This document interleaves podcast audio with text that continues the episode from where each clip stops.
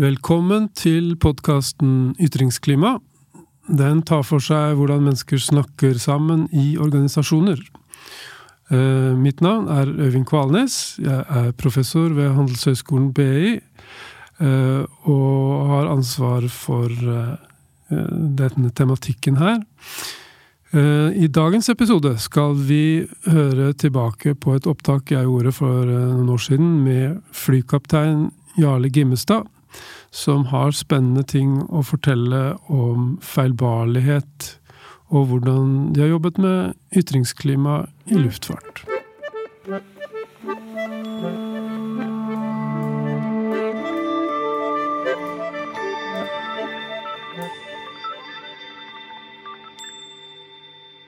Det er menneskelig å feile, noen ganger kan det få dramatiske konsekvenser, eh, som når eh, kirurgen gjør feil under en operasjon, eller når kapteinen har en dårlig dag i lufta. Eh, og eh, dette er tema for eh, jobbfilosofi i dag. Dette er en podkast som gis ut eh, fra Handelshøyskolen BI. mitt navn er Øyvind Kvalnes. Jeg er filosof og førsteamanuensis her på BI. Uh, og den en, som jeg har med meg her i studio for å snakke om dette, det er uh, flykaptein Jarle Gimmestad. Velkommen. Takk skal du ha, Eivind. Uh, og vi skal snakke om feilbarlighet. og dette er jo en tema som man kan finne i, i mange sammenhenger i arbeidslivet. det som mange tenker på i dag, er kanskje disse avsløringene rundt Panama Papers. og Eh, det at eh, DNB har hjulpet kundene sine til å skjule penger i skatteparadis. Nå sier de fra banken at uh, dette skulle vi aldri holdt på med. Så da er det noen som har gjort feil på et eller annet tidspunkt. Og da kan, kan vi begynne å spekulere i Er det et individ eller noen flere som har gjort feil her? eller er det noe med systemet, organisasjonen? Uh, vi skal ikke snakke om DNB, men vi skal snakke mer allment om feilbarlighet. Og uh, høre med Jarle Gimmestad uh, erfaringene hans fra en lang tid som flykaptein. og jeg har lyst til å høre med deg først Hvorfor tror du det er viktig at uh, vi snakker om feilbarlighet og er, er, setter søkelys på det fenomenet? Jeg tror at uh, feilbarlighet er et veldig vanskelig tema, og særlig innenfor uh, luftfart, der risikoen eller konsekvensen i risikobildet er forholdsvis stor. Men jeg tror at over lang tid så har vi forstått viktigheten av å behandle det likevel og jeg tror altså at erkjennelsen av fenomenet feilbarlighet sjøl i vår næring et av de viktigste stegene vi har gjort eh, i sikkerhetssammenheng på mange, mange år. Og Årsaken til det er nettopp at det å drive sikkerhetsarbeid i dag i større og større utstrekning er å oppdage feil i tide og håndtere dem så de ikke utvikler seg til uønska hendelser. Så du tror det å erkjenne at mennesker er feilbarlige, det gjør at det er tryggere å fly? Ja, det tror jeg nettopp. Eh, det er mange, Jeg holder en del foredrag om temaet i uh, ulike typer sammenhenger. Og det er mange som sier etter foredraget at ja, nå eh, skal jeg ta bussen til Syden eller til USA, nå vil ikke jeg fly. Mm. Men jeg tror nettopp dette, at vi har vågd å, å la sola skinne på det, vågd å sette lys på det, mm. eh, har gjort det håndterbart har gjort at vi kan begynne å jobbe med det og få kontroll på det. Vi blir ikke kvitt det, mm. men vi kan få kontroll på det og hindre at disse feilene skaper hendelser som vi ikke ønsker oss. Mm. Eh, du har uh, flydd uh, i mange år. har du selv gjort alvorlige feil i den, den, tiden? Ja, det har jeg selvfølgelig mange ganger. Og noen av dem husker jeg, og noen av dem glemmer jeg selvfølgelig. Og så oppdager jeg òg at eh, det er ikke vanskelig å erkjenne feil som å slå et feil nummer på telefonen eller eh, sånne ubetydelige ting, men at det er feil som du har gjort eller som du gjør som kunne hatt eh, betydelige sikkerhetsmessige konsekvenser hvis de ikke ble oppdaga. Mm. De er mye verre for meg òg, både å erkjenne og, og håndtere. Mm. Og jeg har gjort mine feiler av begge typene, men Mm. Heldigvis så er, er denne erkjennelsen såpass robust i luftfartssammenheng at de gangene dette har skjedd, så har de blitt eh, oppfanga av en eh, klok eh, kollega, styrmann ved sida av meg i setet der, Mm. og, eh, og, og hindra en ei videre uønska utvikling. Så det har jeg gjort, ja. Så det er en av de tingene som, eh, som du er opptatt av. Det er eh, at vi ikke blander sammen feil og konsekvensen av feil. Fordi at eh, en feil setter i gang en slags eh, årsaksrekke som kan ende med at det går riktig ille. Men så har vi muligheter for å stoppe den årsaksrekken. Ja, jeg, tr jeg tror det akkurat det du er inne på der med å skille feil fra konsekvenser, er et av de viktigste komponentene. Mm. Og Så tror jeg òg at eh, når noe har skjedd, så må en evne å skille eh, skyld og ansvar, altså dette nærmest skambelagte i et sånt bilde, Mm. ifra årsak. Hvorfor ble det noe slik Ja. som det ble, ikke sant? Og, eh, og, men det å skille feil og konsekvens tror jeg er helt nødvendig. For Mm.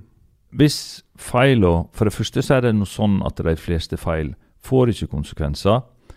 Og da får vi ofte ikke øye på feilen heller. Mm. Og så er det ofte òg sånn at hvis feilen får konsekvenser, altså det oppstår en uønska hendelse, så blir feilen vanskeligere å behandle. Da går vi Mm. litt i skyttergraver, da går vi litt i forsvar, vi som har vært der. Og, og det er vanskeligere å få god informasjon omkring årsak til at denne feilen oppsto. Mm. Og det er jo først når en forstår årsakene som ligger bakom, at du kan eh, bli i stand til å bearbeide, til å gjøre noe med det, for å hindre at denne feilen gjentar seg. Mm. Eh, men du sier at du har gjort feil selv også. Kan du, kan du gi et eksempel? Hva, hva, er, hva er det du har gjort eh, i cockpit?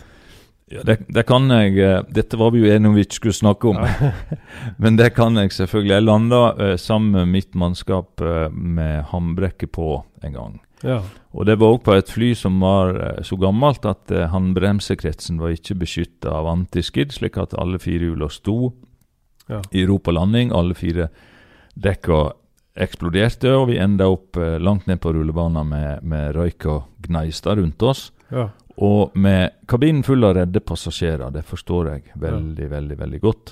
Og jeg husker godt eh, suget i magen akkurat når det skjedde ubehaget. Mm. Og jeg husker det dilemmaet som jeg sleit med i sekunder etterpå. Hva skal jeg si nå? Altså, Mm. Jeg skjønte jo med en gang hva jeg hadde gjort, Mm. men, men da kjente jeg umiddelbart hva åpenhet kunne komme til å koste. Det å si det som det var, at vi hadde glemt håndbremsa. Heldigvis var vi, var vi eh, lure nok, kloke nok til å være åpne på det, eh, men eh, jeg kjente at det drog i begge retninger, følelsene mine, i Ja. sekunder etterpå. Men Hvordan tok uh, arbeidsgiveren din tak i dette i etterkant? Nå hadde Jarle Gimstad landet med håndbrekket på. Eh, tok de, de tok sjansen på å la deg fortsette å fly, men uh, hva slags reaksjoner fikk du etter den feilen? Ja, det, dette var jo eh, Dette er mange år siden, dette var i medarbeidersamtalens barndom, bruker jeg å si. Men jeg ble jo innkalt til en sånn uh, samtale. Ja. Og jeg husker to ting fra den samtalen. og Det ene var at sjefen min sa at Jarle, én ting er jeg sikker på, dette gjør du aldri igjen. Mm. Og, og det, det svarte selvfølgelig bekreftende på at jeg skal aldri gjøre dette igjen. Mm. Men jeg husker Jeg har tenkt på det mye etterpå. De første ukene etter at dette skjedde, så hadde jeg et veldig fokus på håndbremsa, på dette håndtaket borti tussmørkene der på sida. Men jeg tror fort at det, fokuset kunne ført til at jeg glemte andre ting som kanskje til og med var viktigere. Slik at det, på ei landing så kunne vi lande med håndbremse av, kjempefint, men vi glemte å sette ut hjula. ja. Så jeg, jeg tror kanskje det ene løsninga på det ene problemet der skapte et nytt som, ja. som vi ikke så så godt. Så den det. eh, replikken fra sjefen din om at dette kommer du aldri til å gjøre igjen, det kan ha vært en medvirkende årsak til at du ble ekstra oppmerksom på håndbrekket i tida etter, på bekostning av å være opptatt av andre detaljer som du burde ha oversikt over. Ja, det tror jeg. fordi at uh, den gangen så visste vi mindre om, om eh, mekanismene eh, som, som, fører til feilhandling. Mm. Og en tenkte kanskje at ok, du kan gjøre en feil én gang, men du gjør ikke den flere ganger. I dag så vet vi at, at det er mange typer feil de gjentar seg. fordi at de skjer utenfor rommet av kompetanse eller utenfor rommet av oppmerksomhet av frie valg. Og da kan altså feil gjenta seg, selv om du har gjort dem før. Og Jeg tror denne replikken var mm. med på å skape den slags frykt for at det sånn skulle skje. Ja. Og jeg tror jeg ville svart annerledes i dag. I dag tror jeg ville sagt at jeg kan ikke garantere det.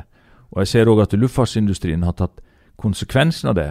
På moderne fly i dag så er håndbremsekretsen beskytta med mm. antiskid.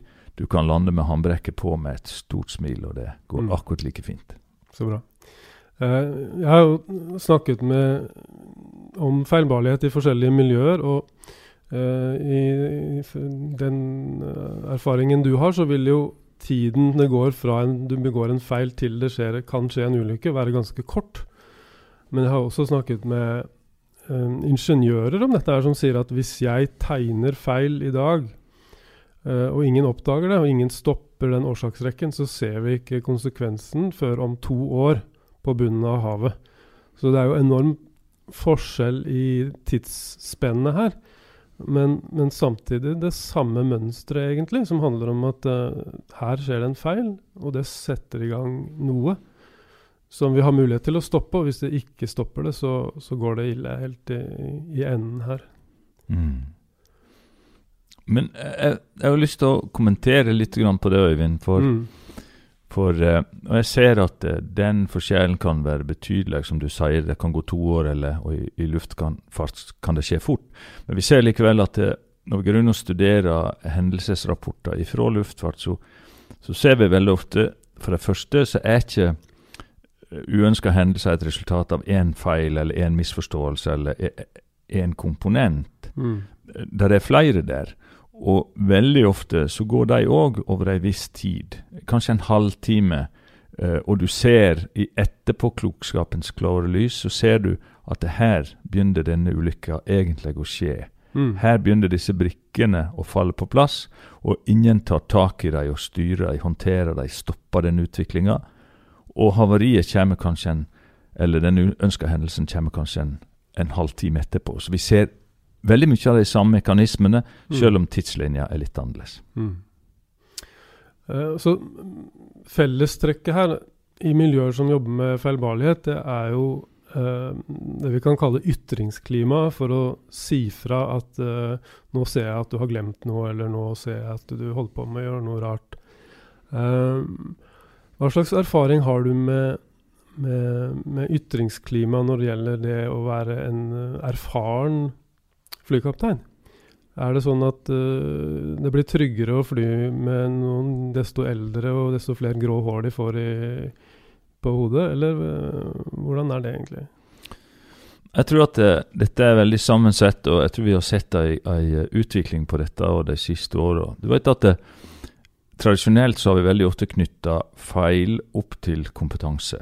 Hvis noen gjør en feil, så er ikke han kompetent. Mm. Men det vi ser i realiteten, det er at eh, feile, de feilene som skaper hendelser i operativ kontekst, er ikke knytta til kompetanse. Det er et øyeblikks uoppmerksomhet, misforståelse, feilkommunikasjon, reflektorisk grep. Mm. Et eller annet i den retninga. Og det er ikke knytta til kompetanse.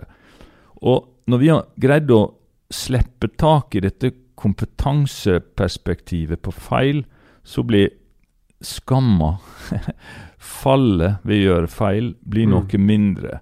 Og Da har det blitt enklere òg å ha et åpent ytringsklima mm. eh, rundt feilbarlighet. Mm. Og Jeg så sjøl at når jeg passerte 50 år og begynner å få eh, grått eh, stripa hår, så gjør det noe med folk rundt meg. Det gjør sikkert noe med meg, men det gjør òg noe med folk rundt meg. De begynner å tro at han kan så mye.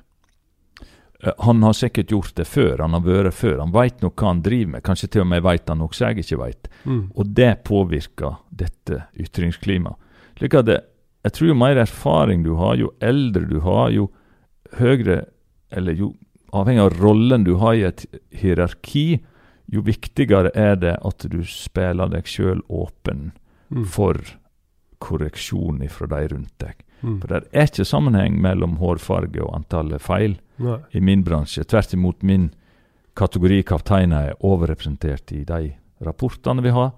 Sannsynligvis heller ikke fordi at vi er så mye dårligere eller dummere enn andre, men Mm. fordi at eh, folk vegrer seg for å si ifra til oss.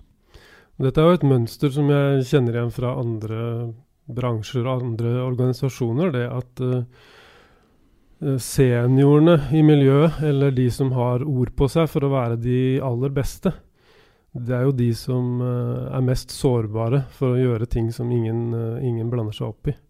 Fordi eh, Av forskjellige årsaker, men en viktig årsak tror jeg at alt de gjør, tolkes i beste mening. Og folk tenker at det er jo han som gjør det, og han har jo mer peiling enn meg. Så da er det sikkert sånn det skal være, selv om det ikke er sånn det skal være. Det tror jeg du har helt rett i, Øyvind. Og en ser noen sånne mekanismer som er ganske underlige. Det du beskriver der, er, tror jeg er relativt typisk. Men jeg har òg fått tilbakemelding med, på folk som sier at eh, det kan være en, en konduktør som ser langs sida på toget, ser at det blir gjort klart for å kjøre, men at signalet fortsatt står i stopp, og Mm. tenker at jeg burde si ifra til lokomotivfører. Mm. Men som hun sa, han var en sånn hyggelig fyr. Jeg hadde ikke hjerte til det. Nei. Sånn at jeg tror det kan være mange ulike mekanismer som påvirker denne ytringskulturen og gjør det vanskelig å, å si ifra. Ja. Men hva kan en eh, erfaren person gjøre da, for å motvirke dette her, og for å sørge for at eh, livsviktig tilbakemelding kommer i kritiske situasjoner? For det vil jo være situasjoner hvor ting står, er på spissen, og det neste som skjer, avgjør om dette går bra eller ikke. Og så er jeg som junior vitne til at uh, du som senior uh, gjør noe underlig. Uh, hva, hva kan en, en senior gjøre for å senke terskelen for å si fra? Mm. Jeg tror det er to ting du kan gjøre. Det ene på kort sikt, og det andre på litt lengre sikt. Det du kan gjøre på kort sikt, og, og som vi prøvde å gjøre i, i luftfart iallfall, det var å inkludere i denne her crewbrifen, som vi kalte det, altså den før jobbsamtalen vi hadde før vi gikk om bord og, og, og begynte på dagen, var å si til de rundt oss at eh, hvis du ser at jeg gjør noe som eh, undrer deg, så må du si fra, og hvis du ser at jeg gjør noe som skremmer deg, så må du ta over. og jeg skal love å ta godt imot det uansett. Ja. Det kan du gjøre på, på kort sikt. Men jeg tror over tid så tror jeg at eh, jo mer erfaring du har, jo eldre du er, jo mer ja, Avhengig av der du sitter, som sagt, i et hierarki, så må du fortelle om dine egne feil. Hvis du legger de gode historiene til en kollega og de dårlige historiene til deg sjøl, så viser du i atferd at dette er en eventualitet som òg inkluderer meg sjøl. Ja. Og det tror jeg er det som gir troverdighet på sikt. Hvis du bare forteller om det du har gjort som var glupt, og det er jo det som er mest freistende, ikke sant? Mm. Så det, det vil si at eh, du har ikke nølt med å dele historien din om uh, landinga med håndbrekket på? Jo, jeg vil ikke si jeg ikke har nølt, for det gjorde jeg iallfall det første året, jeg syns det var ubehagelig. Men, men heldigvis er det jo noen fordeler med å, å få grått hår og, Mm. og bli førtidspensjonist, og, og den ene er jo at du trenger ikke å bevise noe hele tida. Mm. Og da blir det lettere for meg òg å, å, å eh, snakke om mine ting, og bruke mine ting som eksempel for det som jeg er opptatt av i, Mm. i fagsammenheng. Mm. eh, Så jeg gjør det nå ganske mye, og, Ja. og det, det koster ikke så mye nå som det gjorde før. Nettopp. Eh, en ting som slår meg når jeg ser på utviklingen innenfor eh, feltet ditt i luftfart, det er jo eh, en sånn slags vridning fra individ til mannskap. Uh, så jeg kunne tenke meg at du sa litt om det, og kanskje illustrere det. Fortelle hvordan gir det konkret utslag i hvordan uh, du har vært med på å jobbe, og uh, hva slags historier er det som kan illustrere denne bevegelsen fra å se på at det er én og én og én person som presterer, til å se på at det er et, et lag som presterer sammen. Ja, jeg tror det er godt i tråd med det vi har snakka om uh, til nå. Jeg tror at det, det, viktigste argumentet for å gjøre det, er nettopp feilbarlighet og erkjennelsen av at sjøl de mest erfarne òg uh, gjør feil. Tidligere bygde vi sikkerhet mest på suverene enkeltindivid. Og det, det var med veldig mange flinke folk, så det var trygt å reise med fly eller å reise med, med båt den gangen òg. Men i dag, i, i, tråd med den erkjennelsen av at sjøl de eh, eh, gjør feil, så bygger vi sikkerhet på ledelse, kommunikasjon og samarbeid i et mannskap, og vi ser det langt mindre sårbart, og det er langt mer robust. Mm. Jeg tror den hendelsen konkret som vekte opp luftfarten, den skjedde på, eh, på Tenerife den 27. mars 1977 på ettermiddagen. Da kolliderte eh, en Boeing 747 fra KLM og en fra Pan Am på rullebanen på Tenerife i, i uh, tjukk skodde, tett tåke. Og eh, den historien vil for all ettertid bære navnet til eh, en av disse kapteinene, som var en guru, som var en, en svært kompetent, en svært erfaren, en svært dyktig mann men som framsto i den situasjonen på en sånn måte at når styrmannen hans og maskinisten eh, ante uråd, at det var et annet fly på rullebanen framme i tåka der en plass. Så sa de ifra to ganger hver, litt sånn hint and hope-type kommunikasjon. Og når det ikke hjelpte, så ga de seg. Og eh, kapteinen starta avgangen, og kollisjonen oppsto. Og 583 mennesker mista livet. Det er fremdeles den verste historien vi har i, i luftfartssammenheng. Mm. Jeg tror den vekte oss opp, mm. eh, og etter det så har en sakte, men sikkert begynt å arbeide både med feilbarlighet og med dette mm. laget, dette crewet, dette teamet som vi har om bord, som er så lite, mm. men likevel så, så, sårbart og så viktig på godt og vondt. Mm. Men har du en, en uh, historie å dele som illustrerer ditt eget uh, din egen måte å jobbe med mannskap? Altså uh, du har tatt dette til deg, og det har hatt en konsekvenser for hvordan du har jobba.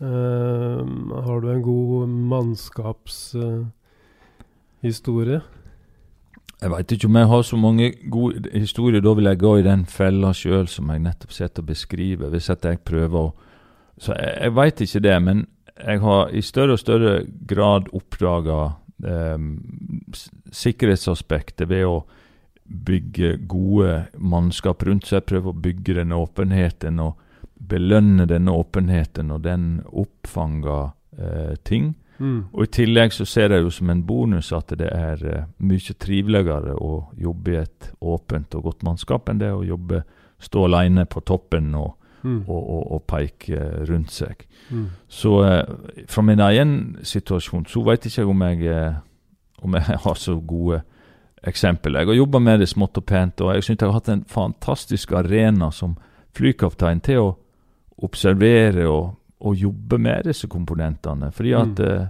i luftfart så bytter vi mannskap hele tida. Mm. Vi ser at noen dager så, så, får du et godt mannskap rundt deg. altså Du greier på en måte å, å skape et godt mannskap andre dager, så greier ikke du det. Mm. Og du får et slags øye for hva er det jeg gjør nå, og hva er det jeg gjør der som gjør disse forskjellene. Mm. Så jeg syns jeg har hatt en fabelaktig arena til å jobbe mm. med dette spørsmålet. Mm. Um, jeg syns det er spennende det du sier om uh, at mannskapet som jobber sammen, uh, roterer. Altså at mm. det er ikke de samme folkene som jobber sammen hele tida. Uh, for det har jeg snakket om selv i andre miljøer. Jeg snakket om det i barnehager, i, hos politiet og i eh, bank- og finansmiljøer. Og du har på en måte to modeller å velge i. Det ene er at man jobber tett sammen med de samme folkene alltid, sånn at du kjenner kollegaen veldig godt. Uh, og jobber fint sammen med den kollegaen. Det andre er at du har en, en et roteringssystem som gjør at du du kjenner kanskje de du jobber sammen med, men det er ikke akkurat det samme laget hver eneste dag. Um, kan du si litt om hva, hva, erfaringene med de to ulike modellene? Og, og, du sier jo at du er vant til roteringen. Mm. Hva er som er årsaken til det?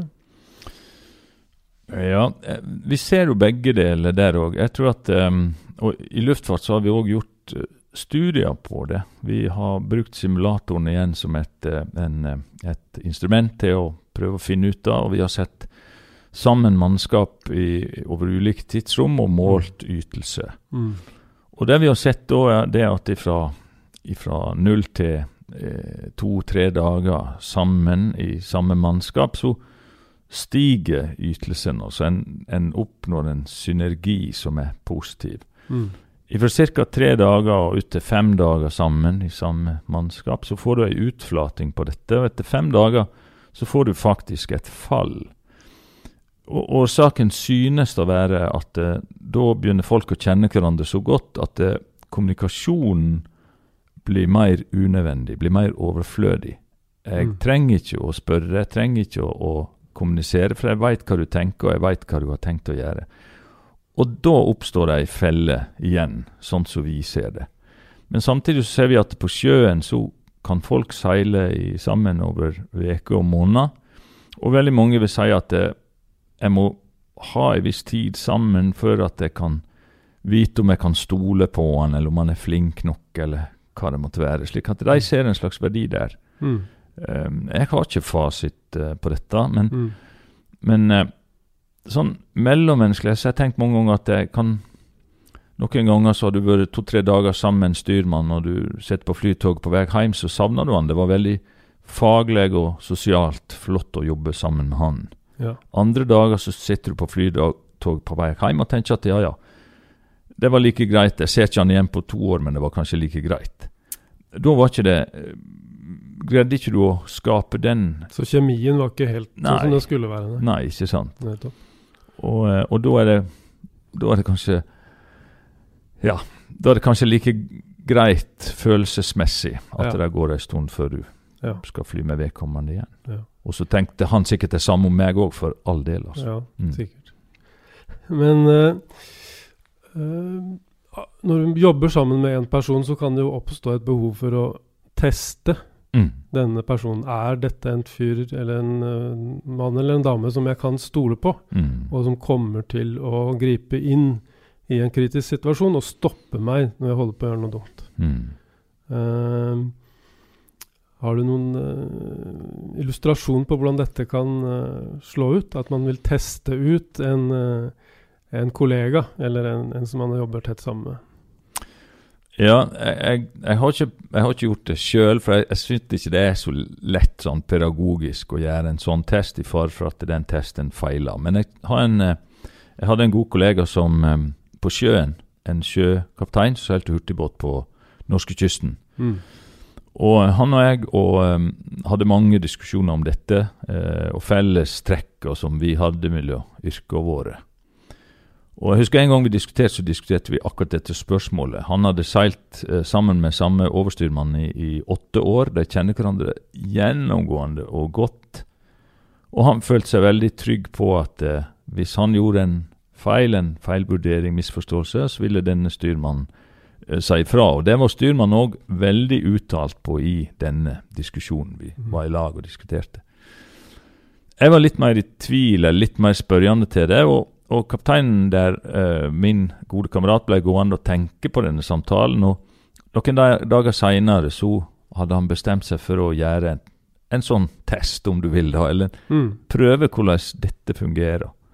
De seilte i lag i leia uh, med en uh, hurtigbåt som går 35 knop og har mye passasjerer om bord. Og de kom tvers av en stake der de skulle gjøre en kursendring til styrbord, 30 grader ca. til styrbord. Og kapteinen hadde en plan, nemlig å la være å gjøre den kursendringa for å se om styrmannen greip inn og, og varsla.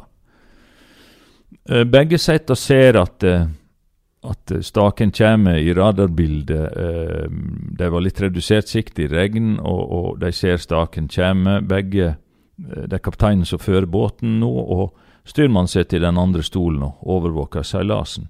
Begge ser at staken kommer ut av regnet framme på uh, baugen, og, etter hvert så kommer staken tvers på styrbordssida, og så kommer svingen. Så kom altså ikke svingen. Uh, kapteinen seilte rett fram i kurslinja, uten å gjøre tegn til å endre kurs. Og Styrman blir først litt forvirra og ser over på han og kikker ned i radarbildet og ser bak på staken som fær bak gjennom regnet igjen, og, og, og, og, viser tydelig uro. Um, på et tidspunkt så begynner han òg å lage litt lyder og kremte og sparke litt i skottet der og, og slå litt på radarskjermen med, med knuen for å vekke kapteinen, og kapteinen styrer rett fram med et mildt og godt ansiktsuttrykk. Det var en veldig snill fyr. Mm. Og eh, på et tidspunkt så velger altså styrmannen etter relativt kort tid å reise seg fra setet og gå på toalettet. Ja. Det å stille spørsmål ved en person som har vært hans eh, mentor, nærmest en farsfigur over, over mange år i en mm. viktig periode av hans karriere, det kunne ikke han. Punkt én. Punkt to.